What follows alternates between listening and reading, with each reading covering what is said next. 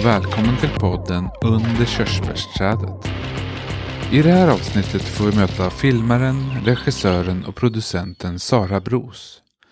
Sara, som växte upp i ett konstnärshem i Värmland, gör filmer som är väldigt utlämnande, estetiska och vackra.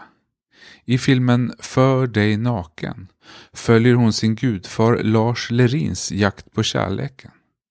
Och en annan av Saras prisade filmer är Speglingar, som berör den komplexa relationen mellan mor och dotter. Sara är dotter till konstnären Karin Bros. I intervjun berättar Sara även lite om sin barndom, om kontroll och vad hon ville bli när hon var ung. Nu är Sara Bros aktuell med utställningen Personal Films som hon har tillsammans med Gunvor Nelson på Kulturhuset i Stockholm. Det blev ett väldigt fint och nära samtal.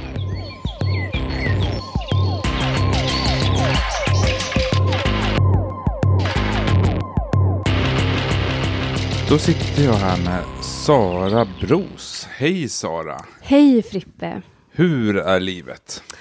Ja, vad ska jag svara på den frågan? Um, det är ganska rörigt just nu och väldigt mycket upp och ner med mitt, mitt psyke som är ganska komplicerat. Mm. Jag pendlar mellan lyckorus och um, avgrundsdjupt mörker. Var, var någonstans är du just nu då i pendeln? Ja, men just nu är jag någonstans ganska högt upp ändå, på, i någon slags um, andra andning, i en så här intensivt arbetsperiod. Mm. Vad arbetar du med nu då? Just nu så är det, vad är det för dag idag? Det är måndag. På torsdag så har jag vernissage på Kulturhuset, Stadsteatern, med en utställning som heter Personal Films tillsammans med Gunvor Nelson, som är min goda vän och kollega, filmare, som är 92 år gammal. Eh, och sen jobbar jag med min manusutbildning som jag har drivit nu i 15 år, som heter Alma manusutbildning. Um, och sen har jag en kortkurs med samiska man, uh, författare, också inom manus. Och så håller jag på att klippa en längre film. Oj. Skärvor, som ja. jag hoppas kommer bli snart klar. Klar snart. Väldigt mycket där, men, men om man säger om först, där, först utställning då som du har på Kulturhuset sa du. Mm. Vad, vad är det för någonting du och Gunvor Nelson har gjort? Vi har, dels har vi gjort en film tillsammans som uppstod under, eller som kom till under pandemin. Som heter View from a window, som kommer premiärvisas. Och sen så har vi med, um, ja men det är en salig blandning. Vi visar totalt 18, 18 filmer, um, nio var ungefär. Eller ja, vår gemensamma också. Så, så, så, det är massa olika tekniker, det är olika teman. En röd tråd är ett personligt förhållningssätt. Och, ehm, eh, men, men det... Ja, vad ska man säga? Det, om man ska sammanfatta själva utställningen så, så handlar det väldigt mycket om att eh, zooma in på små eh, ibland vardagliga detaljer och se någonting större i det. Och det är också mycket det som vår gemensamma film handlar om, som heter View from a window, som är inspelad eh, från ett fönster i Kronobergsparken under ett års tid. Och hur fick ni kontakt med varandra, du och Gunvor?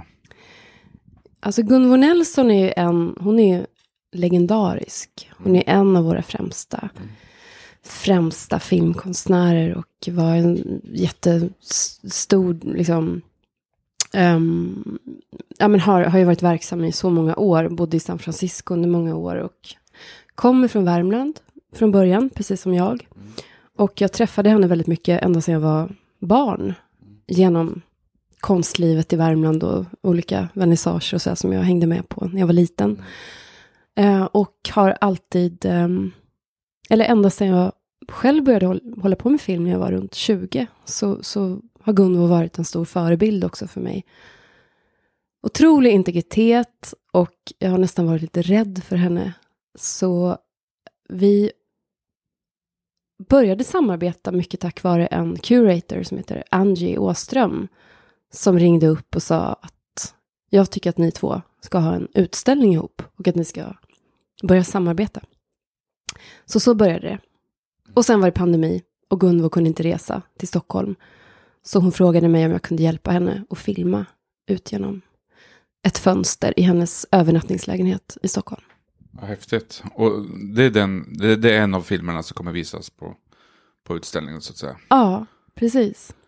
Och, och eh, men om man säger, du nämnde fler saker. Du nämnde dels att, och så jag håller på att klippa en långfilm också. Eller en film sa du. Vad var det för något? Ja, den heter, arbetstiteln i alla fall är Skärvor. Och den har jag hållit på med i så många år nu så att jag inte vågar räkna efter längre. Det är en slags, ett slags sorgebarn nästan för mig som nu till slut har, eller äntligen liksom har börjat få, få, få liv. Mm. Så jag har börjat om, jag har lagt ner projektet, jag har börjat om på nytt, jag har känt mig totalt misslyckad och um, filmen är någonting helt annat nu än vad den var från början. Och um, om jag ska säga någonting kort vad den handlar om så är det en, också en väldigt personlig, alltså på något sätt så är allt jag gör personligt och jag tror egentligen det är svårt för någon överhuvudtaget att göra någonting som inte är, alltså allting går ju genom ens eget system på något sätt. Men den här är också utgår från en väldigt um, speciell upplevelse av att hamna i en djup depression som verkligen, det finns ju olika grader av allting. Det finns olika grader av missbruk, det finns olika grader av liksom, svärta eller olika grader av depression. Och det här var en, en väldigt, väldigt mörk period i mitt liv. När jag verkligen rasade ner i ett svart mm. hål och inte såg någon mening med någonting överhuvudtaget. Och det var en sån fruktansvärd upplevelse att befinna sig i det mörkret. Um, och efter då många veckor, månader, så blev så började jag se på nytt på det här materialet som jag liksom hade hållit på med väldigt länge under många år och liksom känt mig helt låst i och inte vetat hur jag skulle hitta någon ingång. Och eh, väldigt mycket av materialet bestod av film, alltså filmat material som kom från resor jag gjorde när jag var väldigt ung. När jag var runt 15-16 så reste jag runt mycket ensam i Östeuropa och nere på Balkan, mm. på tåg. Eh, och hade en liten filmkamera med mig, en liten High 8-kamera. Och var väldigt blyg, så den här kameran var liksom mitt sätt att ha en ursäkt för att prata med människor överhuvudtaget. Så jag hade väldigt mycket liksom filmat material från de här resorna, en slags dagboksskildringar. Som bara låg och som jag digitaliserade och och, och då var min intention för många, många år sedan att jag skulle göra en film och söka upp många av de här människorna som jag hade filmat. Men det funkar liksom inte riktigt, det blev inte så bra. Men när jag hamnade i det här mörkret. Och när så, hamnade du i mörkret? Om ja, när var det? Liv, 2017, 18. Mm, okay. Det är inte så jättelänge sedan. Mm. Men um, då blev det en slags terapi för mig att bara sitta. Jag började sortera och rensa och städa i mitt hem som en slags terapi nästan. Och gick också igenom en massa gamla hårddiskar och tittade på material. Och så såg jag det här materialet på nytt då, som jag hade tänkt göra en film av. Och så tänkte jag att det intressanta i det här är egentligen inte vad har hänt med de här människorna, hur ser den politiska situationen ut. Det är också intressant, men det var inte min film egentligen. Utan jag tänkte så här, det intressanta i det här är också vem jag var då och det som jag upplevde var motsatsen till djup depression. Alltså det att befinna sig i någon slags rus som jag gjorde på de här resorna när jag liksom reste omkring och bara var öppen för allt och kände den här förundran liksom inför eh, som, ja, som ett barn som upptäcker nya saker och, och eh, blir djupt berörd liksom, av, av det som... Så det blev istället en ny ingång då till filmen. Så att filmen Skärvor handlar om tillståndet um, tillståndet, liksom, det djupaste mörker. Och sen blir filmen, rör, rör sig sakta mot ljuset genom att liksom stanna upp och tvingas tänka tillbaka på och titta tillbaka på. Reflektera. Reflektera. Och känslan i början är liksom ett enda bara, um, det är bara destruktivt. Det är som att köra i 300 km i timmen på motorväg utan att veta vart man är på väg. Och bara, det bara pågår och pågår och pågår. Och så plötsligt så bara stannar du. Och har ingen aning om vart du, vem du är, vart du, liksom, vart du ska. Vad händer om man stannar upp då? Och lå, tillåter också, liksom, tillåter sig att vara i tystnaden och lugnet och allt det som också pandemin faktiskt medförde för mig, att också vara på en plats och tvingas stå still. Um, så nu äntligen känner jag att jag har en ingång där någonting står på spel, där någonting liksom bränner till och inte bara är, är lite mellan. Liksom. Så, så, så, då har du med alltså gamla filmer där från när du var 15-16? Var de inkluderade i? Ja, de, är, de är med lite grann, men de är inte med så mycket egentligen. Utan det som mest är med är egentligen känslan. Som jag också har tänkt mycket på, att man inte alltid behöver redovisa allting utan att man kan bli inspirerad av saker utan att de syns. Alltså, de syns ändå på något sätt. Jag minns den här upplevelsen och känslan och det som jag ibland kan längta till. När jag bara kände att livet har blivit så rationellt effektiviserat, alltså så effektivt och man bara jobbar och jobbar och liksom reser någonstans och ska vara där två dagar. Och sen åker, alltså det finns inget utrymme för att bara driva omkring eller gå vilse eller hamna fel eller tänka om eller liksom ingen o, um, o liksom, att det inte fanns något utrymme för tid att bara vara i mitt liv. Så, så det är liksom också någon slags längtan efter det, att också kunna kunna vara i någon slags ja, men tillståndet också där man, där man också kan vara många. Um, som, man kände, som jag kände mycket när jag var ung, att jag liksom um, gick in och ut ur olika... Jag hade kontakt med så många, så många olika sidor inom mig själv och mm. reste ensam. Och... Ja, men, ja, men du var 15-16 år när du reste själv, eller hur, hur gick det till, på säga? Det måste ha varit jätteläskigt. Då. Alltså jag, skulle, om jag, jag har inga barn själv, men hade jag haft en 15-årig dotter så hade jag nog inte släppt iväg henne ensam på tåg, på sen, utan pengar, på nattåg runt om i Östeuropa. Men mina föräldrar var ganska... Ja, men jag, jag blev självständig ganska tidigt och är stora syster. Jag började skriva i Värmlands Folkblad krönikor när jag var 14 och hade liksom en eh, var, varannan lördag så skrev jag en krönika och då fick jag 300 kronor. Och då sparade jag pengar så att jag kunde köpa ett interrailkort. Och första sommaren då som jag kunde resa iväg var sommaren när jag gick i nian. Och då var jag, då var jag 15.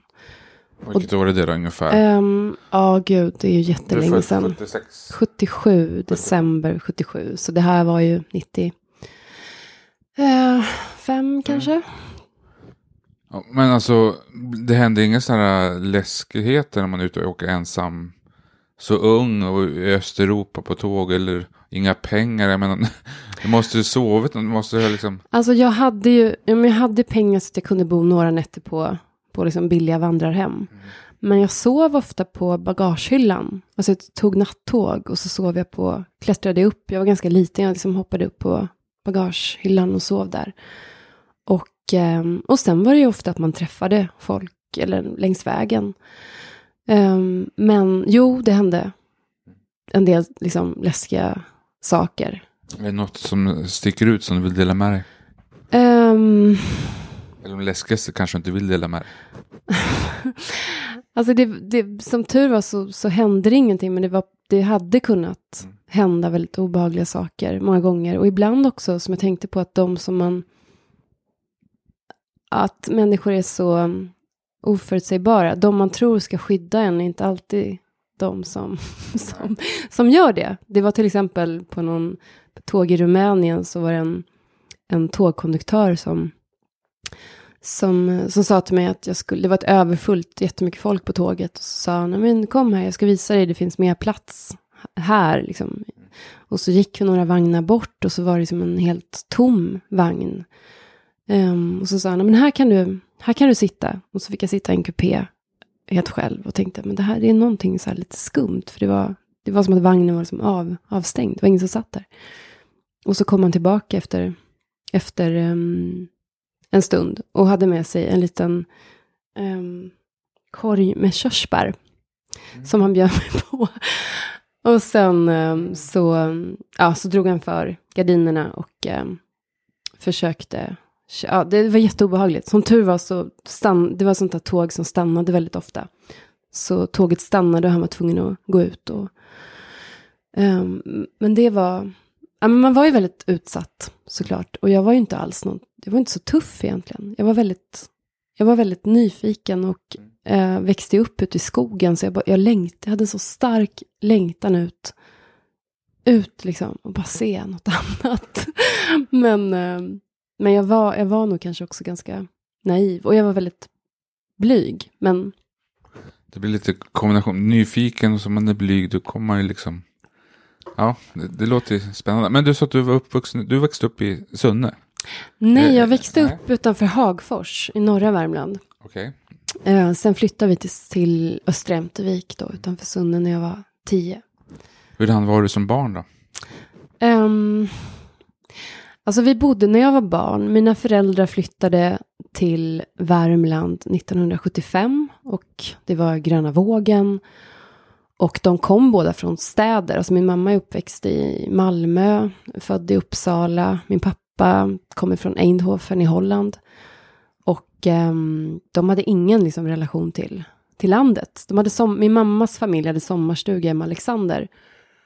Och eh, när min mamma hade gått ut konstakademin så övertalade hon min pappa om att de skulle flytta ut på landet och börja från scratch.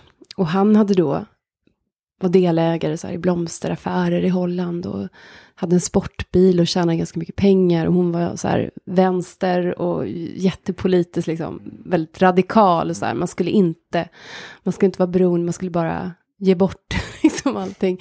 Så hon övertalade honom om att ge bort allt. Liksom. Allt. Sin andel av affären, sin sportbil, sin lägenhet. Och eh, så skulle man ha ett startkapital på max, eller på 30 000 kronor. Och för det skulle de köpa ett hus ute på landet och bara börja från början odla egna grönsaker och liksom bli självförsörjande i stort sett. Så de hamnade av en slump egentligen, mitt ute då, på landet i Värmland och skrev brev till massa olika mäklare och så fick de ett enda svar.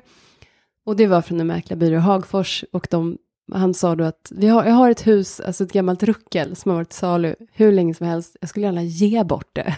för att det är ingen liksom vatten, ingen...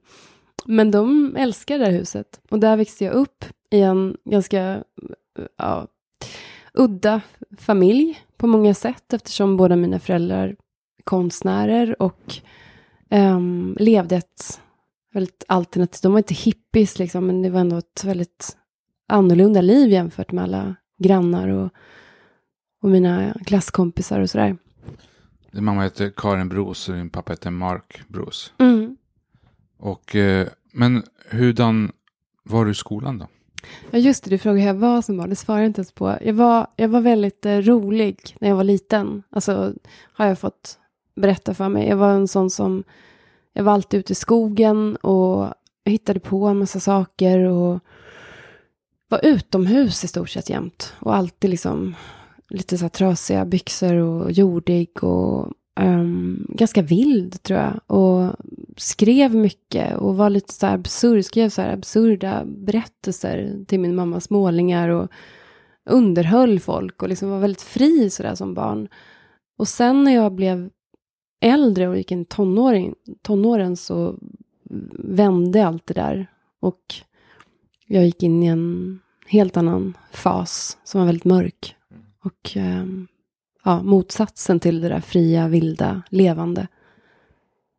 Mm. Eh, och i skolan, ja, fram tills att jag gick i åttan så var jag ganska jag var ganska bråkig, jag blev så utkastad ibland från lektioner och var, var liksom rätt, liksom ett busfrö på många sätt. Um, och sen hände det någonting när jag var ja, mellan 14 och 15, när jag började nian. Då blev jag någon annan. Då gick jag in i en otroligt självdestruktiv period och blev väldigt, väldigt ambitiös och hade högsta betyg i allt. Och um, började svälta mig själv liksom och hade påbörjade en ja, väldigt, väldigt lång, lång, många år av liksom svår anorexi och um, själv, självförakt mm. och en ja, väldigt mörk period. Vad tror du att den mörka perioden kommer ifrån? Eller liksom? Det är så svårt att det är så svårt att svara på det.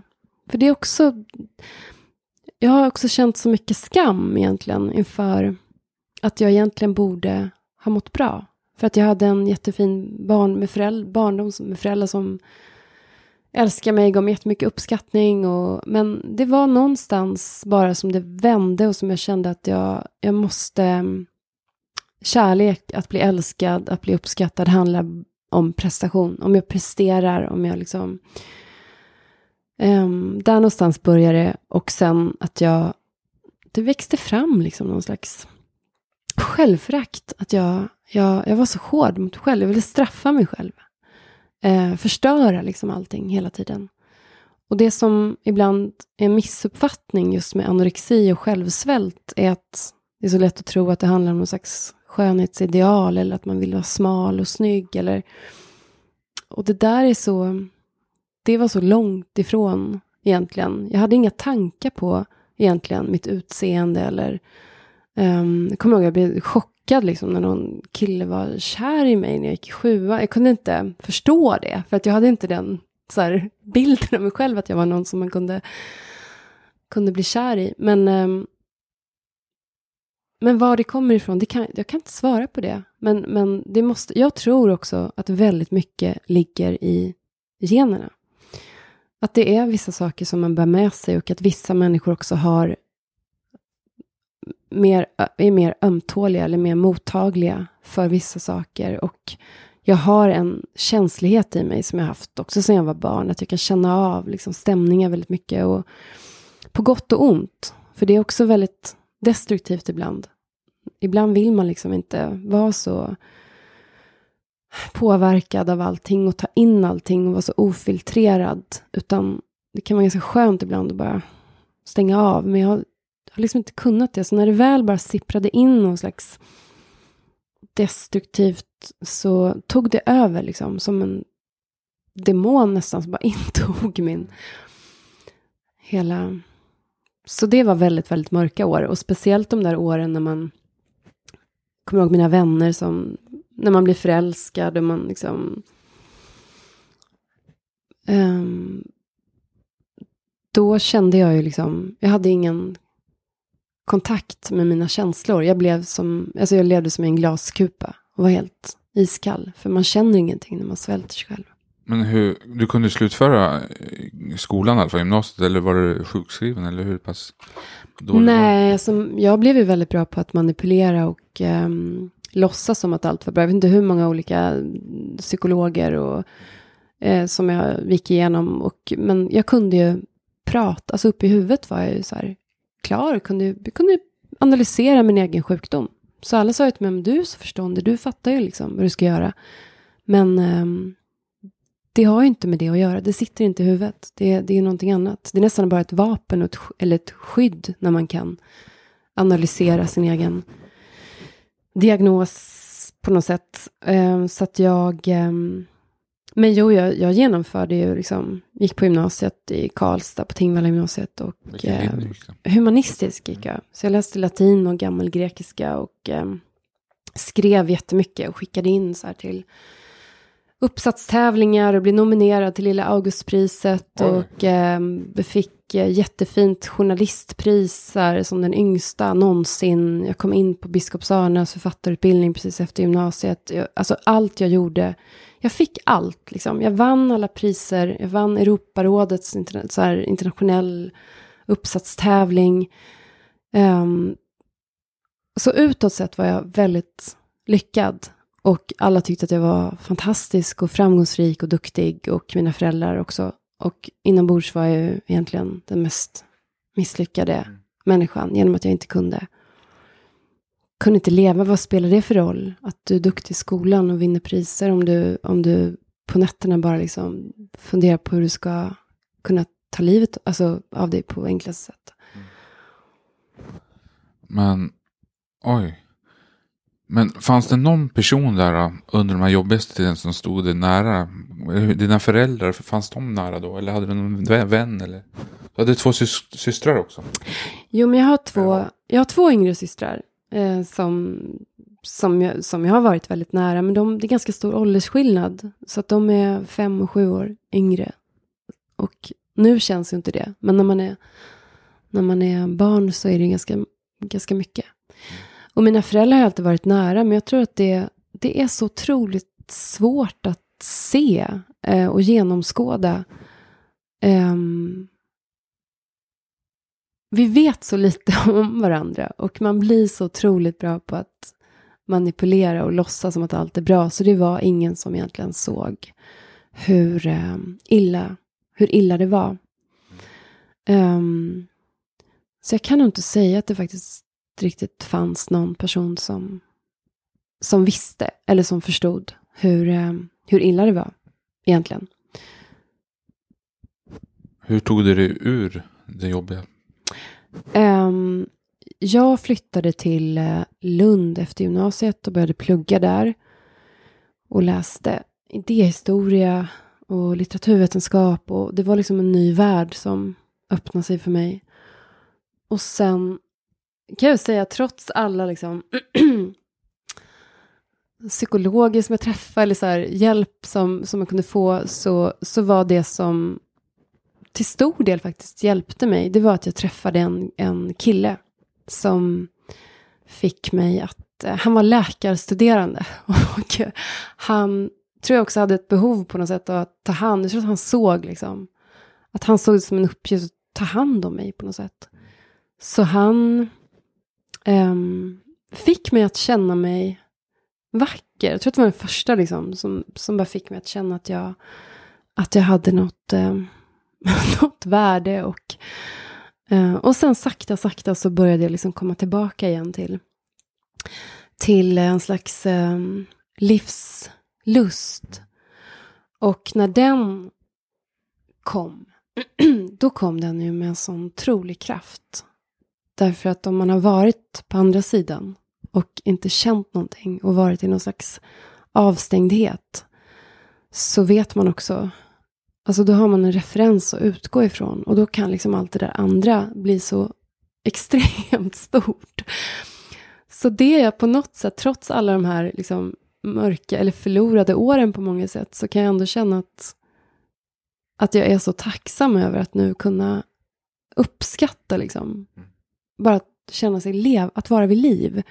Och att kunna känna någonting. Och jag kan till och med känna ibland när jag, när jag är ledsen eller um, hamnar liksom i något, känner mig låg, att jag kan vara tacksam för att jag känner det. För att alternativet att inte känna någonting alls är så mycket värre. Att vara i ett, ett vakuum liksom. Mm. Jo. Men hur upplevde du att det var att studera i Lund? Liksom komma in i, där? Var du ensam där eller hängde du på? Eller, för jag menar studentlivet kan ju vara liksom ensamt och väldigt socialt också på, på var man hamnar liksom. Ja, men alltså jag hade himla tur på många sätt. För jag, jag visste inte så mycket om, om Lund egentligen. Alltså jag har min släkt och sådär i Skåne, så jag har varit mycket, men jag hade inte varit i Lund egentligen. Och var inte så intresserad av liksom, student det, det så här studentikosa. Men jag hamnade på Smålands nation. Och det var ju på något sätt också min, min räddning. För det var där, de var ju lite de som känner till Smålands nation. Det, det var liksom någonting annat än, än, än det andra. Så det var väldigt mycket ja, men så konst och kultur och musik. Och eh, jag började engagera mig i någon så här rad, studentradion och eh, träffade många liksom, likasinnade. Och kände också att jag kunde bli, bli någon, någon annan, börja om på nytt på något sätt. Och då hade du, då hade du filmat så sen, och fotat mycket eller vad hade du för konstnärligt uttryck då? Alltså jag hade ju fotat mycket och filmat mycket och skrivit mycket men, men inte liksom på någon, jag hade ju en dröm om att bli författare. Det, det hade jag, har jag fortfarande faktiskt någonstans. Men jag har aldrig vågat fullfölja den drömmen. Men ända sedan jag var liten och skrev jättemycket så sa jag jag ska bli författare när jag, när jag blir stor. Och sen sökte jag in till Biskops-Arne och kom in där. Um, men jag var så full av självtvivel och um, att jag inte vågade tacka ja till det, så jag tackade nej. Och kände också att jag ville bort från konsten. Jag tror att det var någon slags uppror liksom mot så här, att ha växt upp i en konstnärsfamilj där det var ju, min barndom var ju ganska mycket, vad ska man säga, kaos liksom. Det, det var ett slags post, det var en positiv, en fin stämning, men det var, det var väldigt, man visste aldrig liksom vad som, ena dagen så hade mina föräldrar bjudit hem hela flyktingförläggningen och det var liksom 30 personer från, det var det många som kom från Iran på 80-talet. Andra dagen kom Lars Lerin åkande um, i taxi med Monica Zetterlund och de var jättefulla och ramlar in så på vårt köksgolv.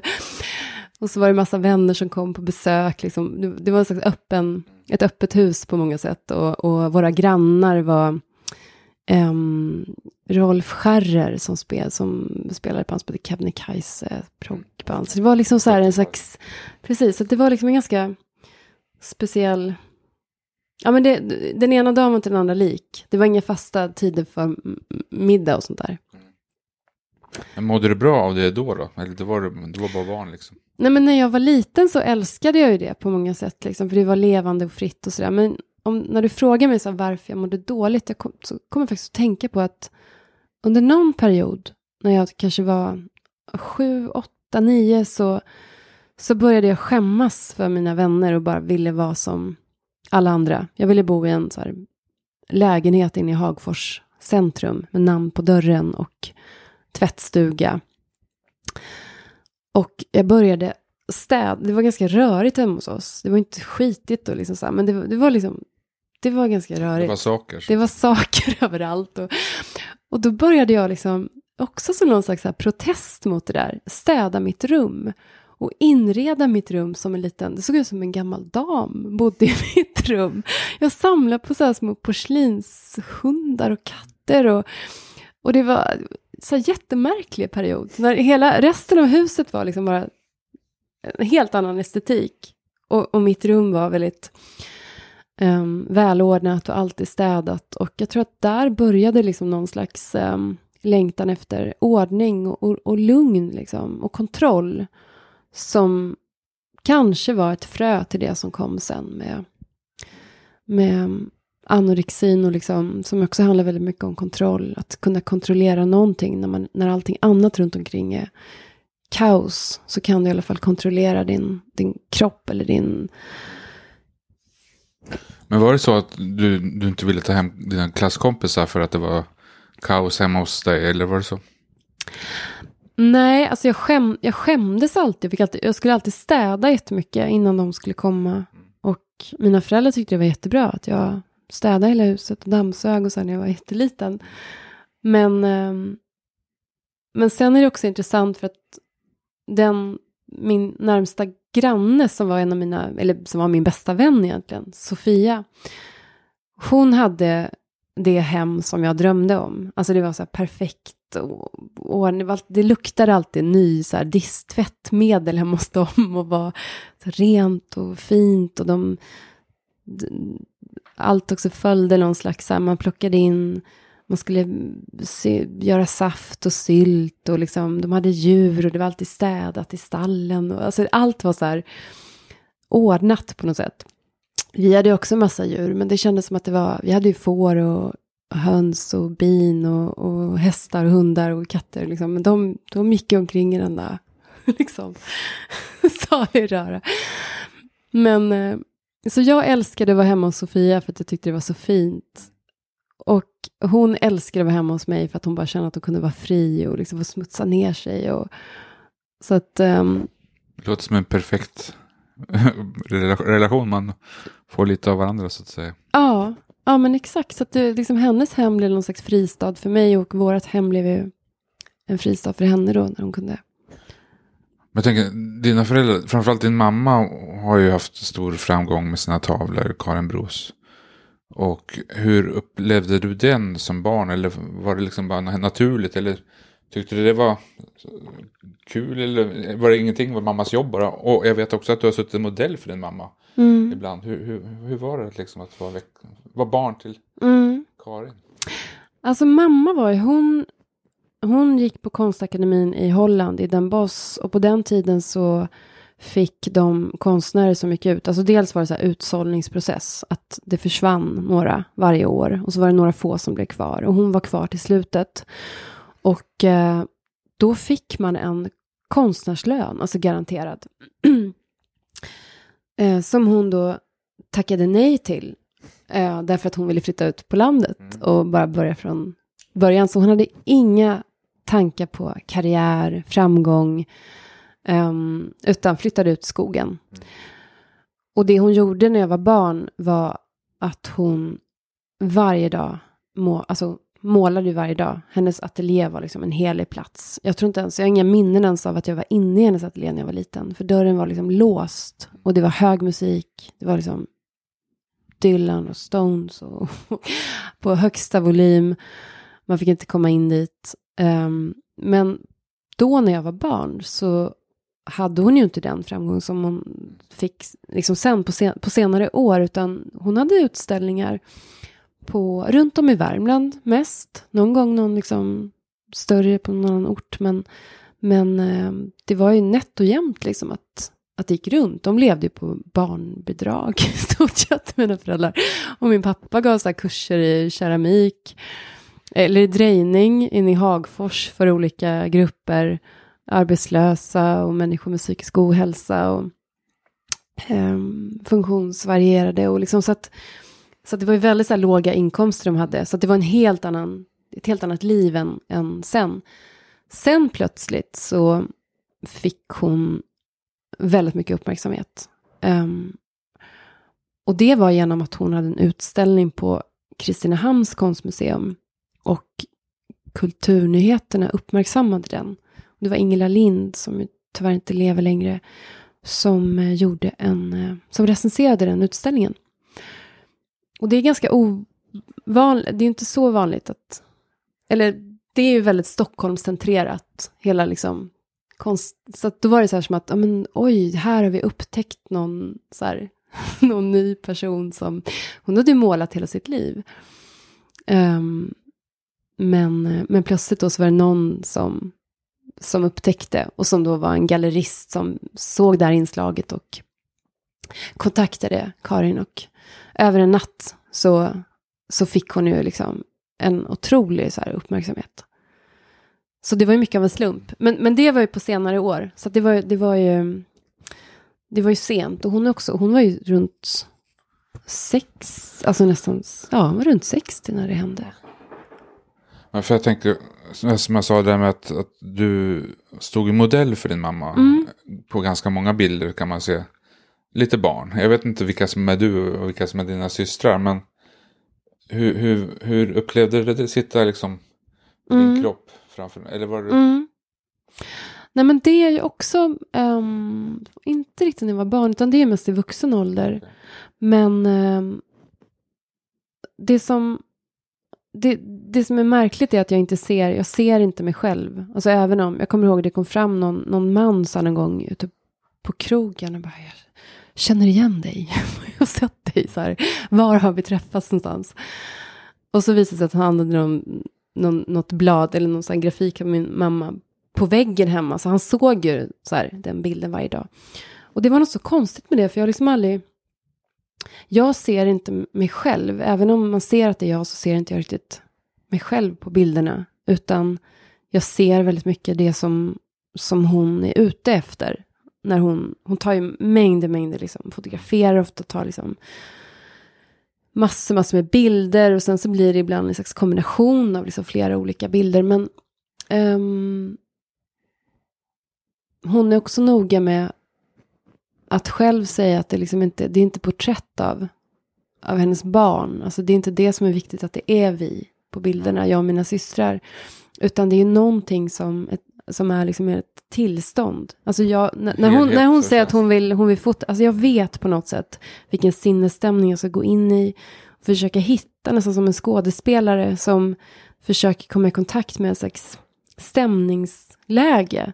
Som väldigt, väldigt ofta handlar om en slags dubbelhet och en Alltså känslan av att vara utkastad till exempel i en idyll eller befinna sig i ett vackert landskap och samtidigt så finns det ett mörker eller en, ett stråk av svärta liksom som, som bryter in i det hela.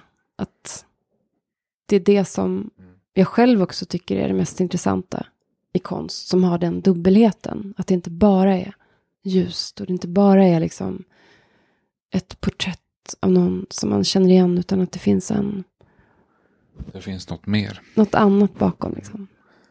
Alltså, det var Hagfors, sen så flyttade ni till Sunne då. Mm. Var det då det blev Alma Löv? Ja. Eller för det finns Alma Löv museum som är mycket förknippat med din familj. Precis, och där du ju var Frippe för många år sedan och spelade. 2003 tror jag. 20, det var så länge sedan. Det var fantastiskt med Kimo. Mm. Kimos vankväll. Um, ja men precis, vi flyttade 88 till uh, Östra Ämtervik då, som ligger söder om Sunne. Och um, flyttade in i en gammal skola.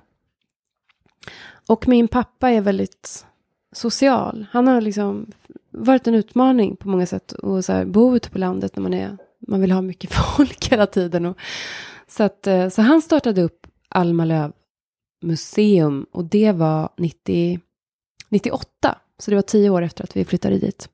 Och det var i samband med att Stockholm blev Europas kulturhuvudstad. Då det fanns lite pengar att söka också för olika projekt så ute på landsbygden. Och då tänkte han att vi här ute på landet har också rätt att få tillgång till samtida konst och inte bara kulturarv och tillbakablickande. Um, så ja, det är en jättelång historia. Det kräver nästan ett helt eget program, mm. så här, historien bakom Alma Löv. Men det är i alla fall det är ett centrum för samtida konst som min syster nu mm. driver. Och som också, men som också blev en, en, um, ja, men en fantastisk plats på många sätt. Där, så Både många... mycket konst och musik och ja, men samlingsplats har det väl varit för ja. många. Med första året så hade vi 20 isländska, alltså Islands 20 främsta konstnärer som ställde ut och som bodde hos oss i två veckor. Så det har ju varit många så fantastiska möten också som, som det har medfört. Och, um... och vad har Alma Löv betytt för dig då? Ja men det har betytt otroligt mycket i och med att jag har sett en idé liksom, och en vision få ta form och liksom att man, man, så här, man skapar sin egen värld. Man har en idé, man börjar någonstans och min, min pappa och Mark som säger att det känns som att han har suttit i en sandlåda och bara byggt och liksom haft så roligt och lekt sig fram till saker och ting. Och han har ju byggt 18 eh, paviljonger eller byggnader tillsammans med en vän, Hans Biesen, en, en annan holländsk konstnär. Som, som man liksom i olika så här, utförande och, och, så har det sakta, sakta byggt fram. Liksom utan, utan någon idé, utan något så koncept egentligen från början. Utan bara en slags idé och vision om vad man tror på och vad man tycker är viktigt. Um, och att det ska vara tillgängligt för alla och liksom det ska vara en, ingen så här elitism och ingen, um, det ska vara en blandning mellan välkända namn men också liksom helt okända och eh, en frihet och nästan så anarkistisk anda som, som faktiskt har betytt otroligt mycket för mig också när jag har skapat min egen utbildning som, som är en slags, men som också har uppstått på Alma Löv um, ehm, till stor del.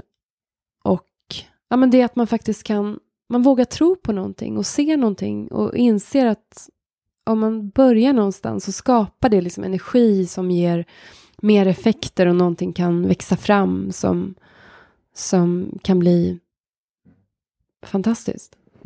Men du bor i Sunne nu också? Nära den Almalöv eller? Ja, alltså jag flyttade ju tillbaka till um, den plats som jag verkligen hatade när jag var tonåring och aldrig skulle kunna tänka mig att jag skulle vilja leva på. Ehm, så jag bodde i Stockholm i många år ehm, och ehm, ja, pluggade och jobbade i Stockholm. Men hade någonstans en längtan som jag inte var medveten om tror jag. Ut på landet och ut i naturen och ut till de där dofterna och liksom skogen och, och allt det där som jag kände igen från min barndom som jag bara hade förträngt och trott att jag, jag ska långt bort härifrån. Liksom. Jag ska bo i stan, jag ska göra karriär, jag ska bli fri från det här flummiga liksom, och konsten och jag ska inte hålla på, jag ska bli journalist och jobba med någonting liksom jag jobbade på bank ett tag. Alltså jag, jag, jag, jag sökte mig medvetet liksom bort ifrån, ifrån också konstvärlden. Och sen var det som en dragningskraft att jag liksom inte kunde motstå, att jag bara hamnade. Hamnade då i, i Värmland igen på, um, i ett gammalt hus som, som jag älskar och som jag har renoverat nu i 20 år ungefär. Du, sa, du nämnde att du jobbar på bank. Vad gjorde du på banken? Um, jag var anställd där som, det här var, det var högkonjunktur i Sverige på, när var det, år 2000? Um, ehm, nej men jag jobbade, jag var anställd som projektanställd som språkkonsult på SE-banken på Flem, som låg på Fleminggatan då. Och det var ett projekt där de skulle um, göra en, en, en, hemsida med så företagsrådgivning och uh, gärna ville ta in någon som kom utifrån. De tyckte det var lite exotiskt och spännande att bjuda in någon som, som då kunde skriva och som kunde coacha de som skulle skriva texterna så att det skulle bli enhetligt. Och liksom, så jag fick gå in och redigera alla texter. Och, eh, gå i, ja, men, ja, det var en speciell tid. Och varför slutade du på, i bankbranschen? Um, det, det, var ju inte riktigt jag. Alltså det var ju min så här, det känns jättemärkligt att det är så här rebelliskt att börja jobba på, på bank. Men, det låter jätterebelliskt utan att föräldrarna till och med jobba på bank. Ja men för mig var det ett jättestort steg. Att liksom man förväntades också göra något så här, ja men du har växt upp så här i en konstnärsfamilj och du skriver och du är kreativ. Um, och jag, ja nej men det var något slags utforskande. Men, men så inser man så här att det finns ju så många, det är människor liksom överallt. Och det var, jätte, det var jättefina, vänliga, roliga människor att jobba med. Så jag hade ju lätt säkert kunnat bli kvar där. Men någonstans instinktivt så kände jag att nej, men jag, måste, jag måste nog um, göra någonting annat. För du, du bor i Värmland så har du också en lägenhet i Berlin har förstått. Ja. Hur var bor du mest? Berlin eller Sunne liksom? Ja, men jag trodde att jag skulle bo mest i Berlin när jag skaffade den här lägenheten. Eh, och eh, såg fram emot ett, liksom, ett nytt liv och ett nytt hem. När var det då i livet? Att du ja, men det här var, när var det jag skaffade lägenheten? Det var 2015, mm. 16. Och eh, det är en dröm. Alltså jag älskar den lägenheten. Men det märkliga är liksom att när jag väl då hade tillgång till den, till den världen och hade skaffat mig ett hem där så, så insåg jag också att jag verkligen älskar att vara på landet så mycket och är så beroende av det. Och just det där också när man kan välja själv. Alltså det är en sån lyx, det är ett sånt otroligt privilegium. Men det är så lätt att längta bort ibland. Och sen när man väl liksom har kommit dit så, så ser man också allt det som man som, som man hade och som man kanske inte visste att man uppskattade så mycket. Så jag är väl där, ja, men jag är där ganska, ganska mycket ändå, men i perioder. Jag tänker, hur är ditt liv i Berlin då? Är det, jag menar, en storstad, det kan vara jättemycket folk, men man kan också vara väldigt, väldigt ensam i en storstad. Mm. Var någonstans är du då när du är i Berlin? Ja, men jag tycker mycket om Berlin just för att det är en storstad där man, tycker jag, aldrig känner sig ensam. Jag kan känna mig ensam i Stockholm på ett annat sätt faktiskt. För det finns en, och det kanske är att generalisera, men, men, men det, det finns en, en slags, det är väldigt skönt att vara ensam i Berlin. För att det finns, tycker jag, ofta en, en kontakt ändå med andra. Det är lätt att prata med en främling. Det är lätt att liksom, man kan få en blick av någon av liksom, um, om man känner sig ledsen eller, alltså att man, det där med att se, se varandra, allt det där som är så svårt att prata om och sätta ord på. Jag har en vän som skriver en bok just nu som handlar om mentalitet i olika städer och liksom massans, vad som uppstår i så folkmassor och, och, stämningar som är svåra att beskriva. Men, men, eh, men jag är också ganska glad att jag eh, flyttade, eller att det blev Berlin liksom så pass sent i mitt liv. Att jag inte flyttade dit när jag var yngre, vilket jag var på väg att göra. Men jag tror att jag lätt hade kunnat bli uppslukat. Jag har ju sett också många, eller många, men jag har sett några unga som liksom helt har blivit också gått förlorade på något sätt nästan i, i Berlin. För att det är en sån förförisk stad och det är så lätt att um, hamna i något destruktivt eller en spiral liksom som man kanske inte... Så, så nu är ju mitt liv liksom väldigt... Um, jag har en jättefin lägenhet med en liten trädgård och mitt i Kreuzberg. Och det är ju sådär, man, man får ju liksom sin, sina kvarter. Så att det är ju, men bara det att kunna, kunna cykla liksom runt överallt och um, lära känna en stad. Jag har ju verkligen gått på varenda gata känns det som under alla dessa år. Och sen har jag några jättefina grannar och jag har några goda vänner som också bor väldigt nära. Mm. Och mina favoritcaféer och ställen som man liksom återkommer till. Men det är inte någon så här, jag är inte ute på, jag är inte ute på klubb liksom, när jag är där. Den tiden är förbi. Jag kanske kommer tillbaka. Mm. Du nämnde tidigare att Lars Lerin hade hälsat på hemma hos dig när du var liten. Mm. Eh, han var också din gudfar, läste jag mig till. Ja, precis. Han, eh, han blev en väldigt nära vän till mina föräldrar på 70-talet när de hade flyttat till Värmland. Eftersom, ja men då var det också så här, man, fanns det en konstnär i närheten så de hittade varandra liksom. Och de visste att Lars målade och bodde i närheten. Och träffade honom på någon auktion och sen, och han var väldigt, väldigt blyg och försynt. Men han började komma hem till oss och sen blev han liksom nästan en del av vår familj. Han var hos oss väldigt, väldigt mycket mm. och var väldigt, mådde väldigt dåligt då när jag var barn och drack mycket och eh, jag såg liksom hans självförakt och hans destruktiva sidor liksom som barn. Och samtidigt tyckte jag så mycket om honom. Ja, för många år senare så gjorde du ju en film om honom. För dig naken. Mm. Eh, ja, kan du berätta, vad var det för film?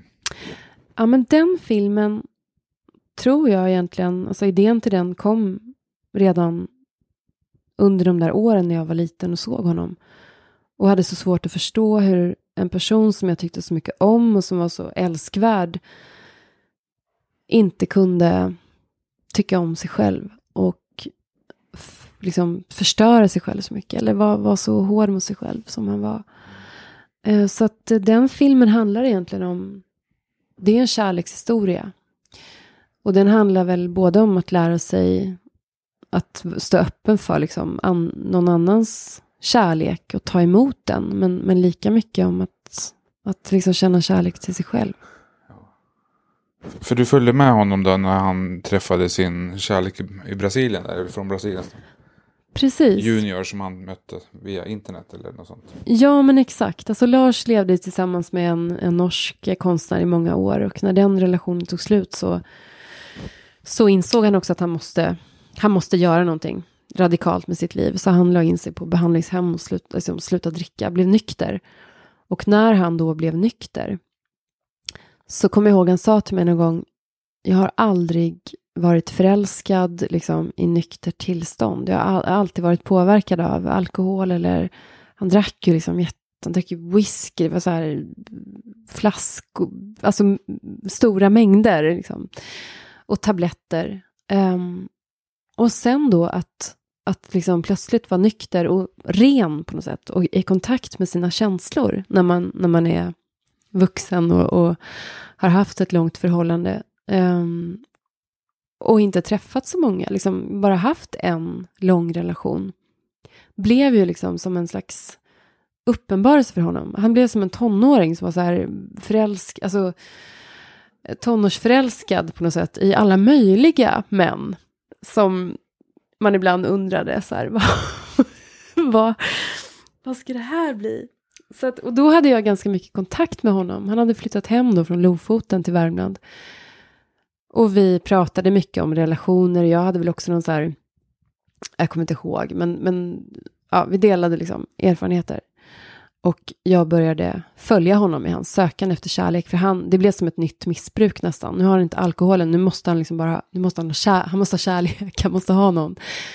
Så han började sätta in kontaktannonser och börja med att sätta in i tidningen Land. För att han ville träffa en bonde.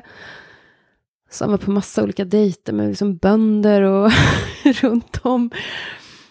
Uh, och sen så blev det mer och mer liksom utomlands. Och, uh, men sen då så fick han kontakt med Junior. Och det var egentligen genom en, en uh, granne till oss i Värmland som hade eh, träffat en kvinna från Brasilien. Och hon sa att jag har en vän i Brasilien som letar efter någon och jag tror att ni skulle passa ihop. Så det var inte riktigt så slump att de träffades på nätet, men de, de kommunicerade ju på nätet till en början. Eller försökte kommunicera, för de pratar inte samma språk alls. Och sen följde jag dem då från deras första möte. På flygplatsen där han kom där? På flygplatsen, eller på Arlanda när Junior landade och de ska liksom hälsa på varandra så här, och de kan inte prata, de kan inte säga någonting.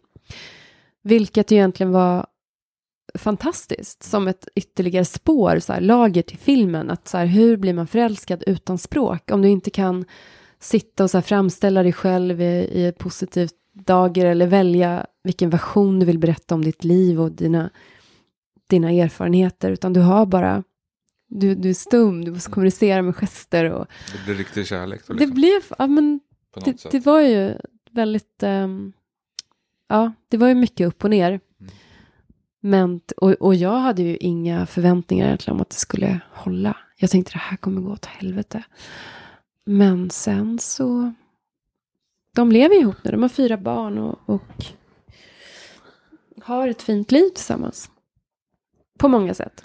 Inte alltid, men Fint. Men några år, något år senare, där, 2016, så gjorde du en annan fantastisk film som heter Speglingar. Mm. Där du, som börjar med att du reser med din mamma för att lära känna henne lite bättre. Eller hur, hur kom den filmen till? Ja, um, den... Ja, men den kom till mycket. När min mamma fyllde 60 så frågade jag om, hon, om jag kunde få bjuda henne på en, på en resa. För jag tänkte, eller jag kom på liksom att vi faktiskt aldrig har gjort någonting tillsammans, bara jag och hon. Och Karin är väldigt beroende av rutiner. Hon har levt, ett, på tal om kaos, som varit inne lite på, liksom, hon har levt ett väldigt så här, kaosartat liv på många sätt och, och eh, behöver liksom ordning och struktur i sitt liv för att må bra. Så att hon hon, hon, hon, reser inte så gärna till exempel. Hon vill inte bryta sina rutiner. Hon, är väldigt, liksom, hon måste gå sina två promenader varje dag. Hon har sina hundar och sina rutiner som hon måste följa. Um, och när hon då sa att nej, hon, hon kunde inte tänka sig att åka bort. Men, så, men, kan men om, om det är liksom, du behöver inte åka så långt. Och så ville jag ändå åka till en plats där vi inte hade varit förut. Och till slut så hittade jag eh, ett ställe i Lettland som heter Jurmala. Som var en timmes flyg från Stockholm. Så det var ganska lagom tyckte hon. Och vi skulle åka en helg, um, eller så tre nätter. Och då tänkte jag, men nu ska jag göra den här resan, liksom, mor och dotter-resan. Vi ska prata ut om allt och vi ska, vi ska liksom, vi ska ha tid till varandra och bara... Jag hade målat upp så här i förväg på något sätt en bild av hur jag ville att det skulle vara. Och det ska man ju inte det är ju farligt att göra det. Därför att man kan inte bli annat än besviken om man redan har liksom allting färdigplanerat på något sätt. Så vi kom fram dit och eh, det, blev, det blev inte de här samtalen. Det blev en ganska det blev ganska distanserat istället och hon såg det som en arbetsresa. Hon har tagit med sig kameran så hon, hon plåtade jättemycket och, och jag posera, liksom fick stå modell så här, och i olika bilder och sammanhang. Och det var en helt magisk plats. Med vita sandstränder och tallskog och vackra gamla träbyggnader. Um, men det var en tystnad liksom mellan oss, en distans. Och då kände jag bara, men om vi inte ens nu kan, kan, kan, kan nå varandra liksom, eller prata ut, när ska vi kunna göra det då? Och då tänkte jag, men jag ska försöka liksom att, för det var också så mycket så här med min mamma som jag som jag inte visste om. Alltså som vi aldrig pratat om. Det är så lätt om man bara ser en person på ett sätt. Man ser henne som en, som en mor och så ser man inte allt det andra. Och när min farmor och farfar dog så tänkte jag väldigt mycket på det. Liksom att jag hade så gärna velat fråga dem mycket mer. Alltså de, med dem försvann också ett helt liv och så mycket minnen och sådär som man inte... Så det var egentligen mycket det att jag ville veta mer. Liksom, komma. Vi har en väldigt symbiotisk relation på många sätt och kan känna igen mycket hos varandra. Men, men den filmen lärde mig väldigt mycket också om liksom hur, hur lätt det är också att vara naiv och så här, tro att man kan man kan så här gräva in i någon, en annan människas innersta och på något sätt avslöja massa saker och så här, lära känna någon. Um, det går liksom inte. Därför att vi är vi är så mycket av ett mysterium och måste kanske också få vara det. Och det är egentligen bara de där försöken, att man liksom ändå på något sätt hela tiden ser varandra på nytt och med nya ögon och inser att du är inte samma person idag som du var igår. Du har förändrats um, på bara liksom kort tid så händer det ju hela tiden saker med en.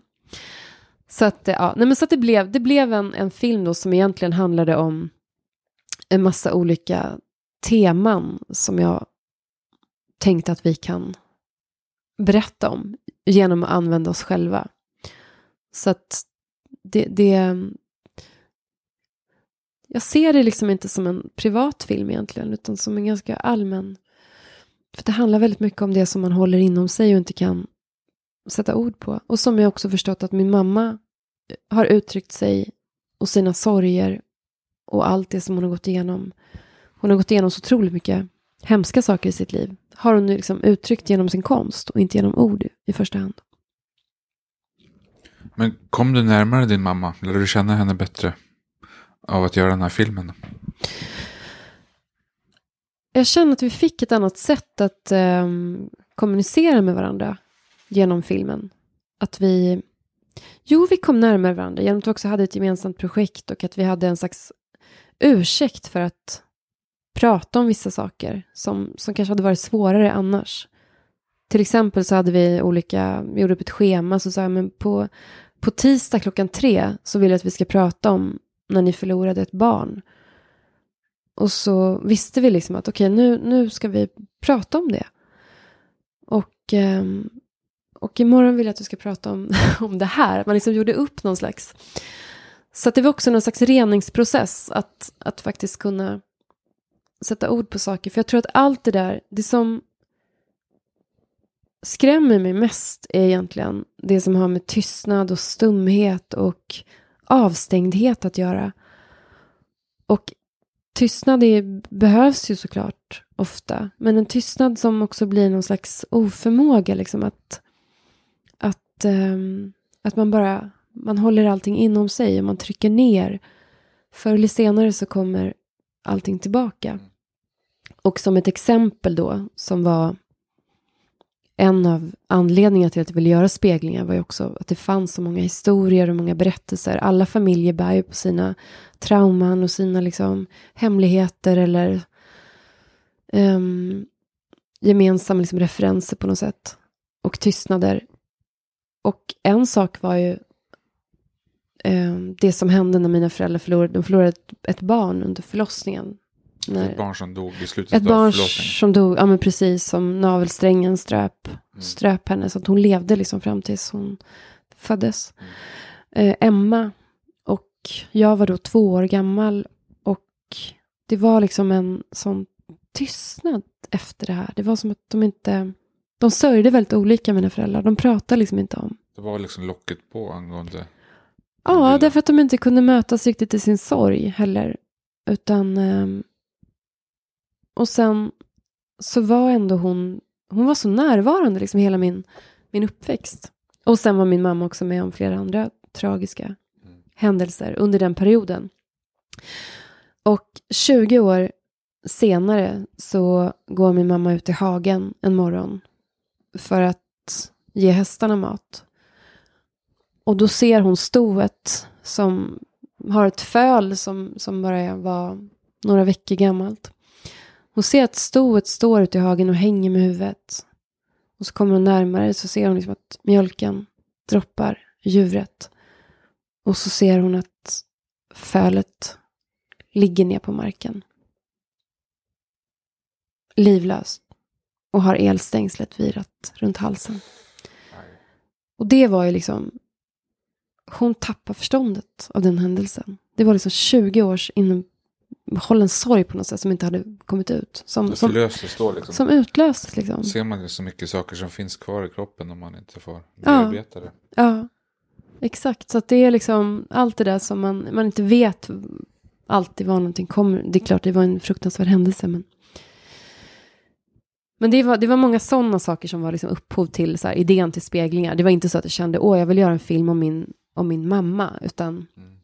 utan det finns stoff och det finns material här som vi kan berätta om och vi kan använda oss själva som, som behållare. Det är ju så väldigt bra titel. Den är väldigt vackert filmad också. Men sen också det här speglingar att man som tittare liksom känner igen sig själv. De kommer på egna liksom relationer med andra människor. Och just det, det där är där. Det där är den personen liksom. Mm. Och det är ofta man ser dina filmer. Det är väldigt estetiskt vackra. Och sen så är det mycket det här, det här djupa på något fint sätt. Mm. Så jag tycker väldigt mycket om det du gör. Ja, men tack Fibbe. Vad fint. Men eh, är det någonting mer som vi har glömt att ta upp? Åh, det finns ju så mycket att prata om egentligen. Jag, jag tror att vi har pratat om ganska mycket.